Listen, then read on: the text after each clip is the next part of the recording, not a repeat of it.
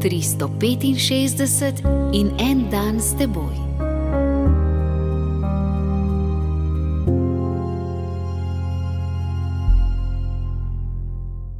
Iz Janezovega evangelija, šesto poglavje, vrstice od 60 do 66.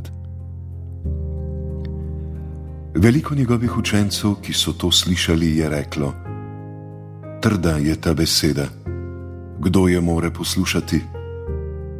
Po tistem je mnogo njegovih učencev odšlo in niso več hodili za njim. Tudi če se oznanja evangelij na najboljši možni način, to ne zagotavlja, da ga bodo ljudje sprejeli. Tega se je dobro zavedal Jezus, ki je evangelij gotovo znal oznanjati. Če ga zavrne kdo, ki ga je razumel, je za svoj ne odgovoren sam. Če pa ga zavrne kdo, ki ga ni mogel razumeti, pade odgovornost na tistega, ki je slabo oznanjal.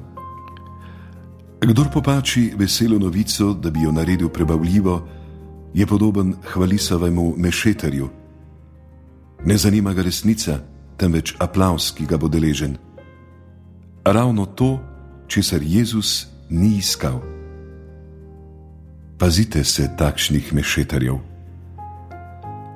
Lahko se vtihotapijo tudi med teologe, strokovnjake za moralno vprašanje, duhovnike, dejavne kristijane in kristijanke, lažne preroke. Pa kaj misli papež, pravijo? Kaj se ne zaveda, da si bo s takim govorjenjem odtujil številne moške, številne ženske, številne mlade ljudi?